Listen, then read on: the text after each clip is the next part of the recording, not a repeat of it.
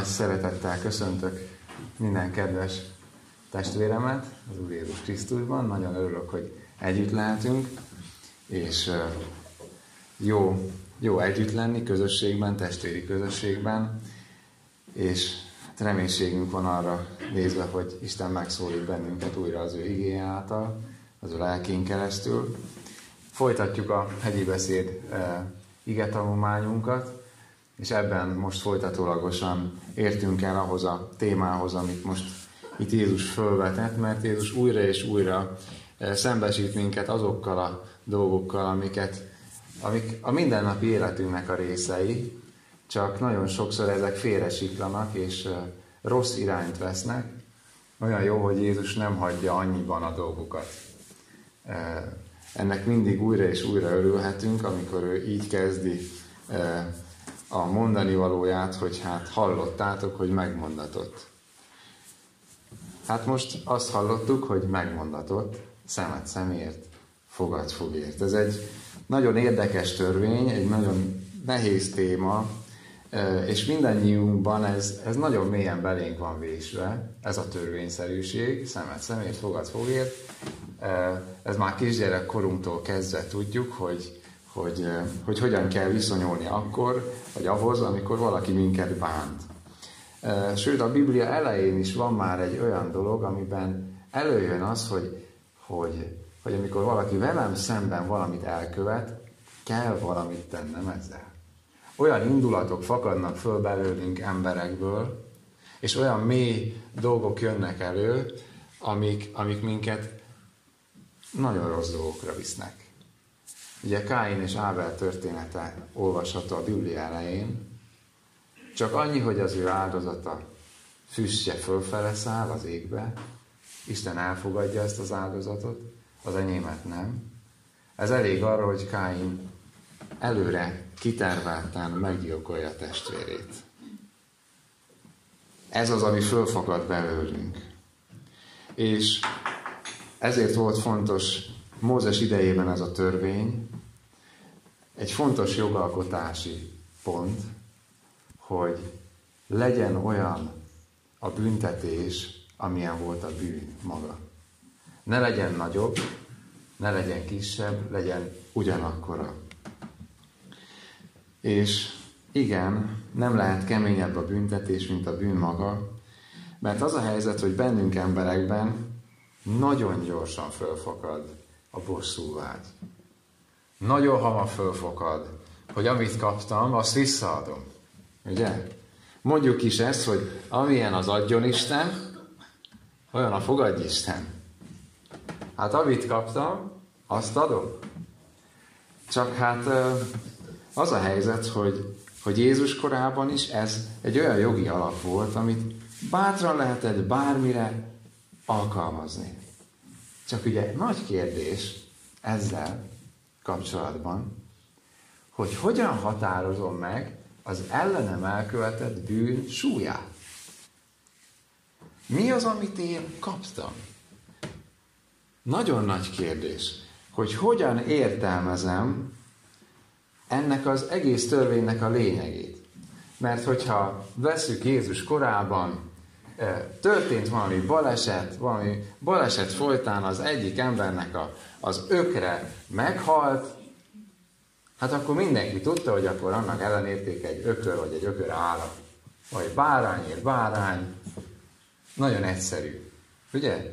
Ha ezt most a 21. században lefordítjuk, ha valaki letöri az autónak a tükrét, akkor mit várunk cserébe? Másik tükröt helyette, ugye? Vagy legalább az árát, vagy fizesse ki. Ez egy nagyon egyszerű dolog. Történt egy ilyen egyszerűség, várjuk, várjuk a, az ellenértékét. De mi van azokkal a kérdésekkel, amit nem lehet pénzben kifejezni? Mi van azokkal a dolgokkal, amik, amikhez valamilyen szinten mi kötődünk? Mi van azokkal a dolgokkal? Mert az a helyzet, hogy mi emberek, mi ilyen kötődő lények vagyunk. Kötődünk azokhoz a dolgokhoz, amik körülvesznek minket, amik a mieink. Szeret, szeretünk tulajdonolni valamit, szeretünk birtokolni valamit. És nem szeretjük, hogyha azt valaki elveszi, megkárosítja, bántja. Ugye? Ki az közülünk most, akik itt vagyunk, aki szereti azt, hogyha csak úgy elvesznek tőle valamit, vagy csak úgy bántják azt, ami az övé. Hát mindannyiunkban fölfakad az, hogy hát ne bántsad, az az enyém. És senki másé. Ugye? Csak egy apró példa. Hogyha vannak itt is kisgyerekek, meg tudunk kisgyerekekről, egy egyszerű kis, nem tudom én, hány euró most már szokni kell ezt az új pénznemet. Egy apró kis plüss állat, az ember elveszi, hát akkor a haragot kevés ember lát, mint amikor egy ilyen történik. Vagy amikor nincs jobb ötletünk, mint azzal büntetni, hogy a kedvenc kis traktort elvesszük, és azt látjuk, hogy egy gyermek élete tajtégzik, és, és halált kiállt azért a kis traktorért. Hát bármelyik üzletbe veszünk egy olyan kis traktort, hát most ennek tényleg van értelme, hogy ezen ennyire földúlja magát az a kisgyerek. És hát az a helyzet, hogy, hogy néha azon gondolkodom, hogy az egész életünk egy nagy gyerek játszótér, hogy csak felnőttként is ezt játszuk, hogy, hogy vannak dolgok, amiket birtokolunk, és amikor elveszik, vagy megkárosítják, akkor, akkor üvölt az ember, és akkor, akkor bosszút kiált, és akkor meg kell büntetni. Elvették? Majd visszaadom. És az a helyzet, hogy hát igen, amikor bántják a párunkat, vagy a barátainkat, vagy a gyerekeinket, az unokáinkat, vagy, vagy bármit, ami a miénk, biztosan tapasztaltuk azt, hogy ütni tudnék. Bár csak itt hogy megszorongathatnál, nem szeretetből. Ez az, ami fölfog, fölfogad belőlünk. És gondoljunk csak bele, Jézus perébe. Mindaz, amit Jézus tesz, az bűn. Bűn lesz az, amit ő csinál. Hát hogy lehet? Értjük, szemed szemét. Amikor én kezdek a bíró lenni, hogy én döntöm el, hogy nekem ez mennyire fontos, és én határozom meg, hogy, hogy mit adok cserébe azért, amit te tettél velem, abban az ember olyan határig elmegy, hogy a bűntelen bűnösnek kiáltja ki, és keresztre viszi. Hát ez egy tragédia. Tragédia, hogy az embernek az indulata ilyen. És ki kell mondanunk, hogy az ember indulata az vak, túlzó, igazságtalan és kegyetlen. Ha őszintén a szívünk mélyére nézünk, és bevallhatjuk, hogy ez így van. Mi emberként idáig jutunk. Még az igazságunk is, ami lehet, hogy Isten mércéje, szerint igazság, nagyon sokszor átcsap igazságtalanságba. Túlzó igazságba. És az a helyzet, hogy hogy ez a, ez a harag, ez az indulat, ami megfogalna az emberben, ez olyan pusztítást okoz, hogy amikor elindulunk ezen az úton, hogy én az indulatomnak, a, a fájdalmamnak keresem az elégtételét, és próbálom azt be, be zsebelni valakinél, vagy megpróbálom annak visszaszerezni az ellenértékét, ez egy olyan olyan út, aminek nincs vége. Ez egy gyilkos örvény, amiben végül nem csak az hal bele, aki a bűnt elkövette, hanem a bosszú álló is belehal. Én is belehalok, aki bosszút akarok állni. Mennyi film, mennyi irodalmi alkotás, mennyi művészeti alkotás beszél erről. hogy nincs vége az elégtétel keresésének. Újra és újra lesz valami, amiben nem kaptam meg. Nem kaptam meg azt, amit vártam volna.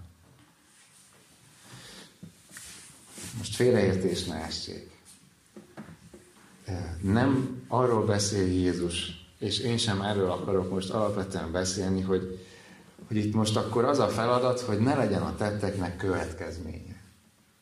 Hogy ne legyen e, következménye annak, hogyha valaki valamit rosszul tesz. Mert maga Jézus az, aki, akit mint bíró várunk vissza. Aki mint bíró fog igazságot tenni az emberek fölött.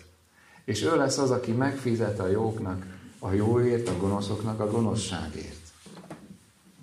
Sőt, azt olvassuk, hogy Isten az, aki a világon rendfenntartó intézményeket ad.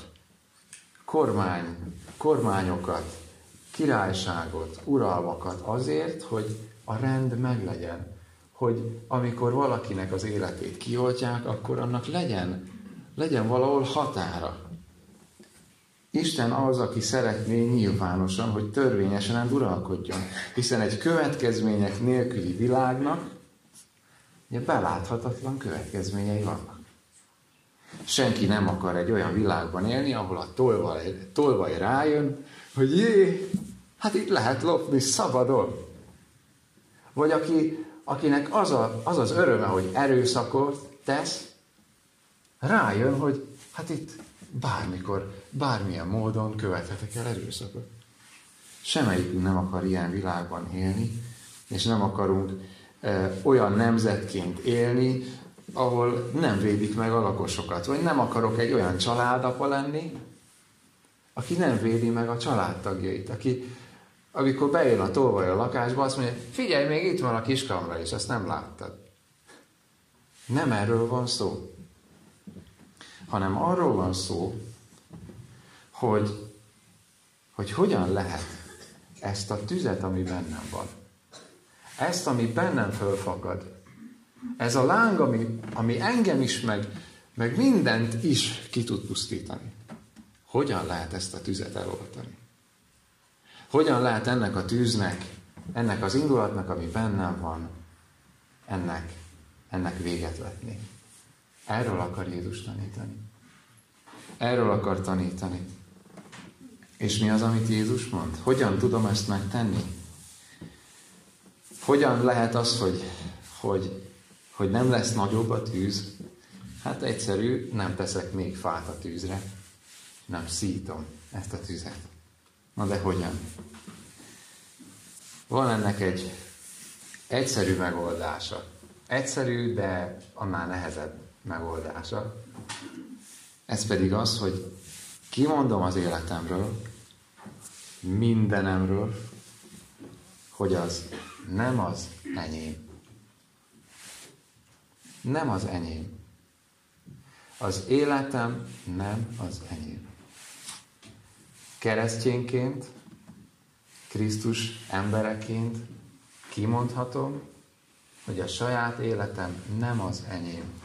A Heidelbergi KT amit mindannyian szépen megtanultunk. Vagyis legalábbis egy részét.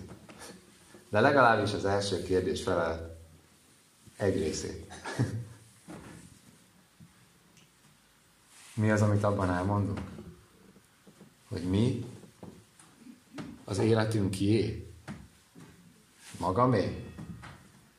Nem. Hanem az én hűséges megváltómnak, Jézus Krisztusnak a tulajdona. Jézus Krisztusnak a tulajdona vagyok. Az övé vagyok. Magyarul, ha én Jézusé vagyok, akkor onnantól kezdve egyébként minden, amin van, az Jézusé. Ugye? Végül is egyszerű a, egyszerű a következtetés. Ha az én életem Jézusé, akkor mindenem az övé. Tehát amikor innentől azok a dolgok, amik történnek velem, azok nem csak velem történnek. Nem úgy van, hogy történik egy nehézség, valaki bűnt követel ellenem, és akkor az csak velem történik, és az csak az én dolgom, hanem amikor én Krisztusé vagyok, akkor tudhatom, hogy ez Jézussal történik meg. Hogy ez Jézus, Jézus is látja, Jézus is érzi, Jézus is tapasztalja azt, ami történik velem. Ennek van egy nagyon jó példája, hogy, hogy ez hol mutatkozik meg. Van egy nagyon szép történet erről. Erről az egész témáról, amivel most foglalkozunk.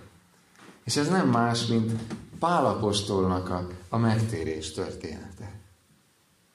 Mert mi történik Pálapostolnál?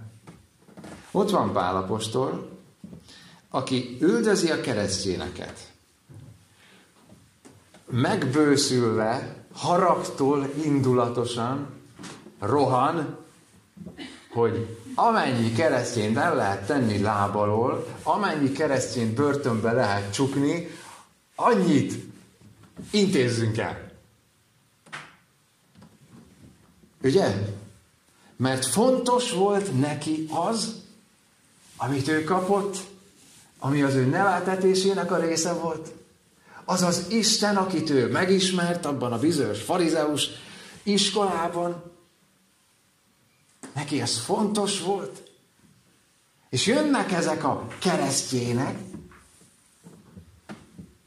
és ezek elveszik. Lábbal tiporják a törvényt. Lábbal tiporják Isten igazságát. Hát egy ekkora bűnt, látjuk Pálapostól meghatározza, hogy mi az a bűn, amit elkövetnek. Szeretszerint. Hát ennél nagyobb bűnt nem lehet elkövetni, és halál rájuk. És üldözi őket. És teszi indulattal, haraggal. És a nagy fölhevültségében mit nem vesz észre? Hogy azt az Istent üldözi, akit védeni akar.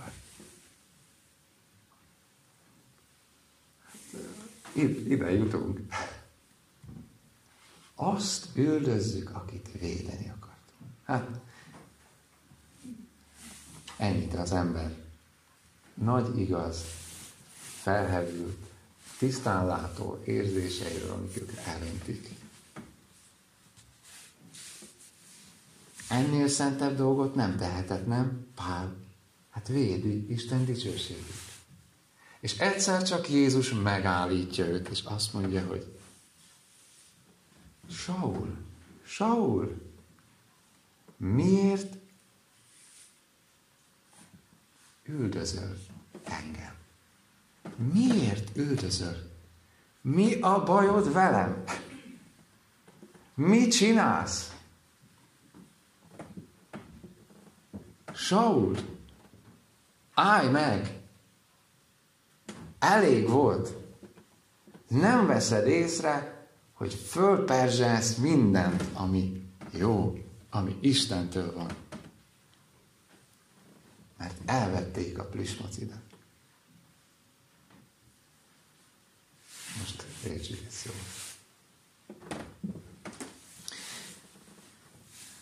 Miért üldözöl engem? Hát látjuk azt, hogy ebből a történetből, hogy mennyire el tudjuk veszíteni a horizontunkat. De a másik, amit meglátunk belőle, az, amit az előbb mondtam. Hogy Jézus mondhatta volna azt, hogy Pál, Saul, miért üldözöd ezeket a rendes embereket? Hát olyan kedvesek, ezeket a keresztényeket. Hát Csináltak neked valami bajt is. Mondhatta volna ezt is. De Jézus azt mondja, miért üldözöl engem? Engem. Mert Saul, te nem A, B, meg C, meg Z embert üldöztél. Nem ellenük követtél el bűnt. Nem őket bántottad, hanem te, neked velem van bajod. Neked velem van bosszúságom. Velem nem vagy egyenesben. Saul, állj meg. És ez mekkora, mekkora vigasztalás. Mekkora erőforrás, hogy, hogy akkoriban Jézus megállította ezt a Sault. Mert látta az övéit. Látta egyébként Sault is. Jézus véget vetett ennek a gyűlöletnek, megállította ezt a gyűlöletet. És Jézus látja most is azt, amikor, amikor engem valaki üldöz. Nem úgy van, hogy történnek a dolgok a nagyvilágba, és majd nekem kell a saját magam igazságát kiharcolni, és én harcolom a nagy harcaimat, a szemet szemért, fogad fogért elvek alapján, és amikor elvesznek tőlem valamit, akkor azt nekem kell kihajtani, és nekem kell az igazamat bebizonyítani, hanem keresztényként azt tudom, hogy Istenem, hát a tiéd. Tiéd vagyok. Uram, te tegyél igazságot. Neked adom a bosszúmat. Neked adom azt, amit ellenem elkövettek. A tiéd. És egy és ebben az ember föl tud oldódni. Meg tud nyugodni. Vége lesz annak a, annak a fájdalomnak, ami, ami azzal jár, hogy próbálom, próbálok bosszút állni. Egy fasori volt munkatársal történt néhány hónapja, hogy, hogy fényes nappal a budapesti lakását kirabolták. Ami pénzt találtak, azt mind elvitték, aranyékszereket, értékeket, ami, ami mozdítható volt, ami könnyen elfért egy jó, egy hátizsákba, azt, azt kipakolták. És, és ugye mi az, ami egy emberbe ilyenkor fölfakad? Ezért fáradtam. Napokon, heteken, hónapokon keresztül. A családi örökségem, az a gyűrű, az a nyaklánc, az az ékszer. Bosszú. Kapják el, büntessék meg, üljön a börtönbe. És elmondta ez a gyülekezeti tagunk, az fogalmazódott meg imádságban benne, hogy Uram, ellopták a pénzedet. Uram, elvitték a pénzedet. Hát úgy én is lesokkoltam ezen. Ki az, aki ezt mondja, hogy elvitték a pénzedet? Hát tényleg csak az, aki azt mondja, hogy hát, ami, az ennyi, ami a tiéd, ami az enyém, az a tiéd. Uram, elvitték a pénzedet. Mit kezdjünk most akkor ezután? Rád bízom, a tiéd, nálad van az ügyem. Te vagy a bíró. Hozzád helyezem ki ezt az egész történetet, mert hogyha nem helyezem ki, akkor én is beleőrülök, meg a másik is beleőrül, és erre senkinek nincs szüksége. Uram, tegyél igazságot. Mutasd meg, hogy hogyan kell ezt megoldani, ezt a helyzetet. Ez az, ami, ez az, ami bennünket felszabadít, és ez az, ami kihúzza annak a sérelemnek azt a méretfogát, hogy azt mondom, hogy a tiéd, Uram, rábízom arra, aki vagyok én, és aki ez a probléma. És tudom, hogy ő látja az életemet. Hozok egy döntést, hogy nem engedem, hogy ez belülről emészen engem meg, hanem rábízom arra, aki vagyok, és átengedem neki. Nem tartogatom, nem dédelgetem ezt a sebet, és újra és újra szakítgatom föl, vagy újra és újra átélem, csak azért is, hanem hozok egy döntést, hogy odaadom. Sőt, tovább megyek, és tovább megy Jézus is. Azt mondja, nem csak, hogy odaadom neki, hanem elmegyek még egy mérföldre. Odaadom a felső ruhát is. Odaadom az értékesebbet is. Ez mit jelent? Kilépek az áldozat szerepből. kilépek abból, hogy jaj, velem ez meg az történt. Azt mondom, hogy én odaadom a többet is. Nem az enyém. A tiéd, Istenem.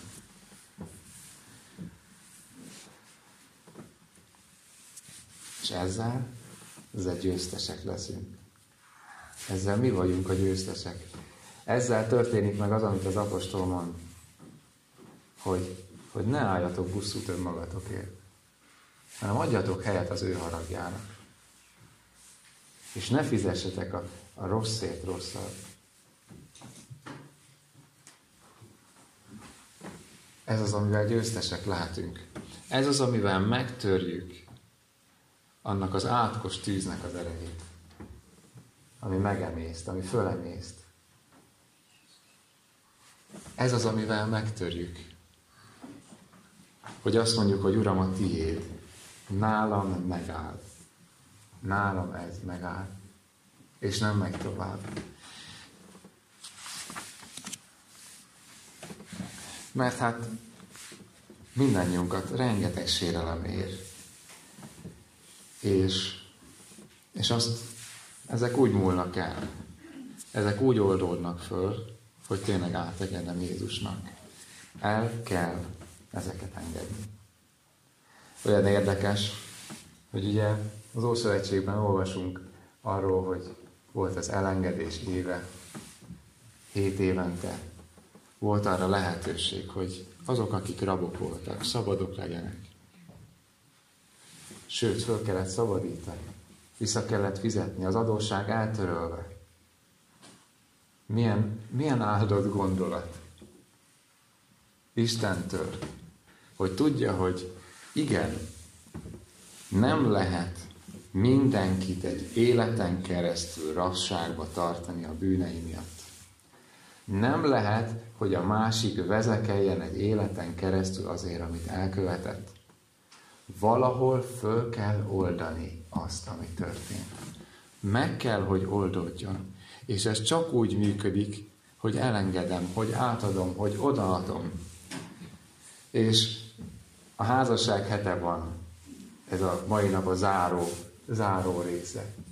És ugye pénteken együtt lehettünk néhány házaspárral együtt uh, ezen a házasság heti alkalmon, és, és ott is uh, így viccesen előjött az, hogy, hogy ki hány éve házas, és hát a győztesek az 50 éve házasok voltak, itt is van közöttünk, és, és aztán mentünk tovább és tovább, és akkor felvetődött ez a kérdés nálunk, akik már fiatalabbak vagyunk, hogy elértétek már a hetedik évet? Ugye a hetedik év, az a krízisek éve. És ugye ezen gondolkodtam, hogy a, amit a Biblia mond, hogy az elengedés éve, a hetedik év, lehet, hogy addigra már összegyűlik annyi minden a batyuba, annyi minden sérelem, fájdalom, hogy, hogy le kell ülni, el kell mondani, el lehet mondani, föl kell kicsit talán dolgozni, de el kell engedni. Kell nyitni egy új lapot. Nem lehet tartogatni, mert akkor nem lesz meg a következő hét év. Akkor valaki újra szabadságra vágyik majd. És ez történik a házas társi kapcsolatunkban is, de mindenféle kapcsolatunkban. Isten azt szeretné, hogy szabadok legyünk. Mi is, és lehetőség legyen azoknak is felszabadulni, akik bűnösök. Mert ezzel szerettem volna bezárni ezt a mai ige hirdetést, hogy, hogy amikor föltárjuk mindazt, ami történt, amikor felszíre hozzuk, és amikor mondjuk egy házas pár, vagy egy konfliktusban egyik másik fél felszíre hozza és leteszi Jézushoz, Jézus keresztjéhez a dolgait, akkor, akkor Jézus keresztjénél találkozunk.